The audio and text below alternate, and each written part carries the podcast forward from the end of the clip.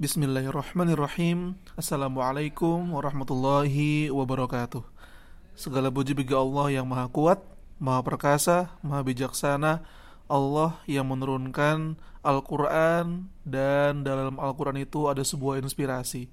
Dari Al-Quran yang diturunkan oleh Allah subhanahu wa ta'ala Melalui perantara Nabi Muhammad SAW Dari kota Mekah Di ujung Arab itu tersebarlah Islam sampai sebagaimana kata Rasul mabalaghal lailu nahar ke seluruh tempat yang ada malam dan siangnya.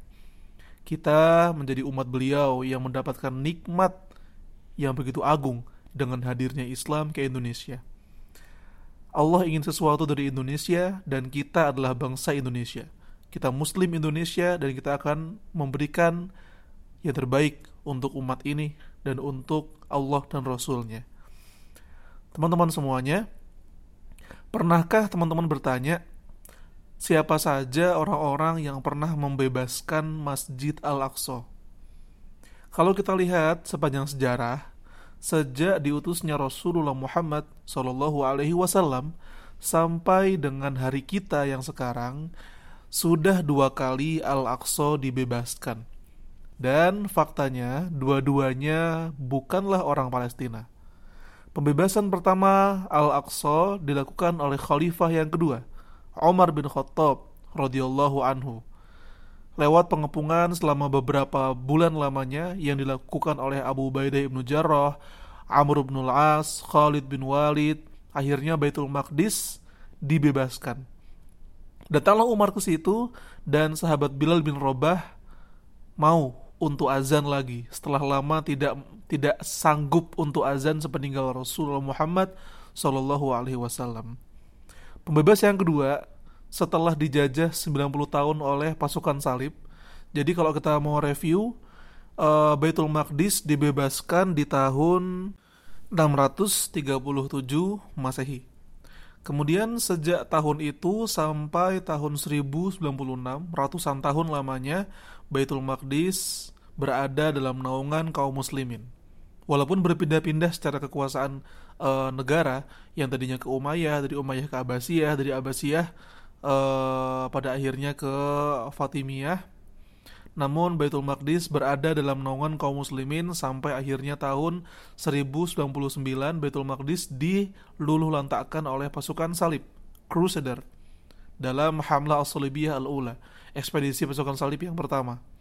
Di tahun itu Baitul Maqdis dihancurkan, kemudian ia Al-Aqsa uh, dijadikan kandang kuda, kemudian ada beberapa yang dijadikan kantor polisi, ada juga yang di, dijadikan sel tahanan, juga ada yang dijadikan sebagai uh, tempat sampah kota dan tempat daur ulang. Nah, selama 99 tahun lamanya Al-Aqsa dijajah oleh pasukan salib sehingga membuat dunia Islam sedih, ketakutan. Mereka mengharap sang fajar akan datang. Akhirnya tahun 1187, sekitar uh, eh, 88 tahun setelah dijajah oleh pasukan salib, Salahuddin al-Ayyubi yang membebaskannya. Faktanya, Salahuddin bukanlah orang Palestina. Jangankan orang Palestina, beliau bahkan bukan orang Arab. Salahuddin al-Ayyubi adalah orang Kurdi yang sekarang menjadi bagian dari utara Suriah dan bagian timur Turki.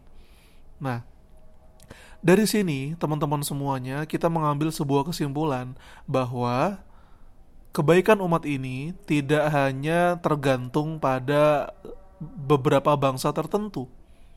Kehebatan umat ini dan kepemimpinan umat ini tidak hanya mengandalkan beberapa suku bangsa tertentu. Namun Allah mengutamakan sebagian yang lain dengan takwa. Tidak ada keutamaan antara Arab dan selain Arab kecuali dengan takwa. Maka bukan tidak mungkin kalau di kemudian hari nanti yang membebaskan Masjid Al-Aqsa sama ciri-cirinya sebagaimana seperti Umar dan Salahuddin. Bukan orang Palestina, bahkan Salahuddin bukan orang Arab. Barangkali yang membebaskan Masjid Al-Aqsa untuk ketiga kalinya adalah bangsa Indonesia Siapa yang tahu, kita perlu berhusnudun pada Allah dan memupuk optimisme ini supaya kita punya semangat dan spirit bahwa kita bukan bangsa figuran, bahwa kita bukan bangsa pemeran yang membantu saja. Kita bisa dan mampu menjadi pemeran utama. Wassalamualaikum warahmatullahi wabarakatuh.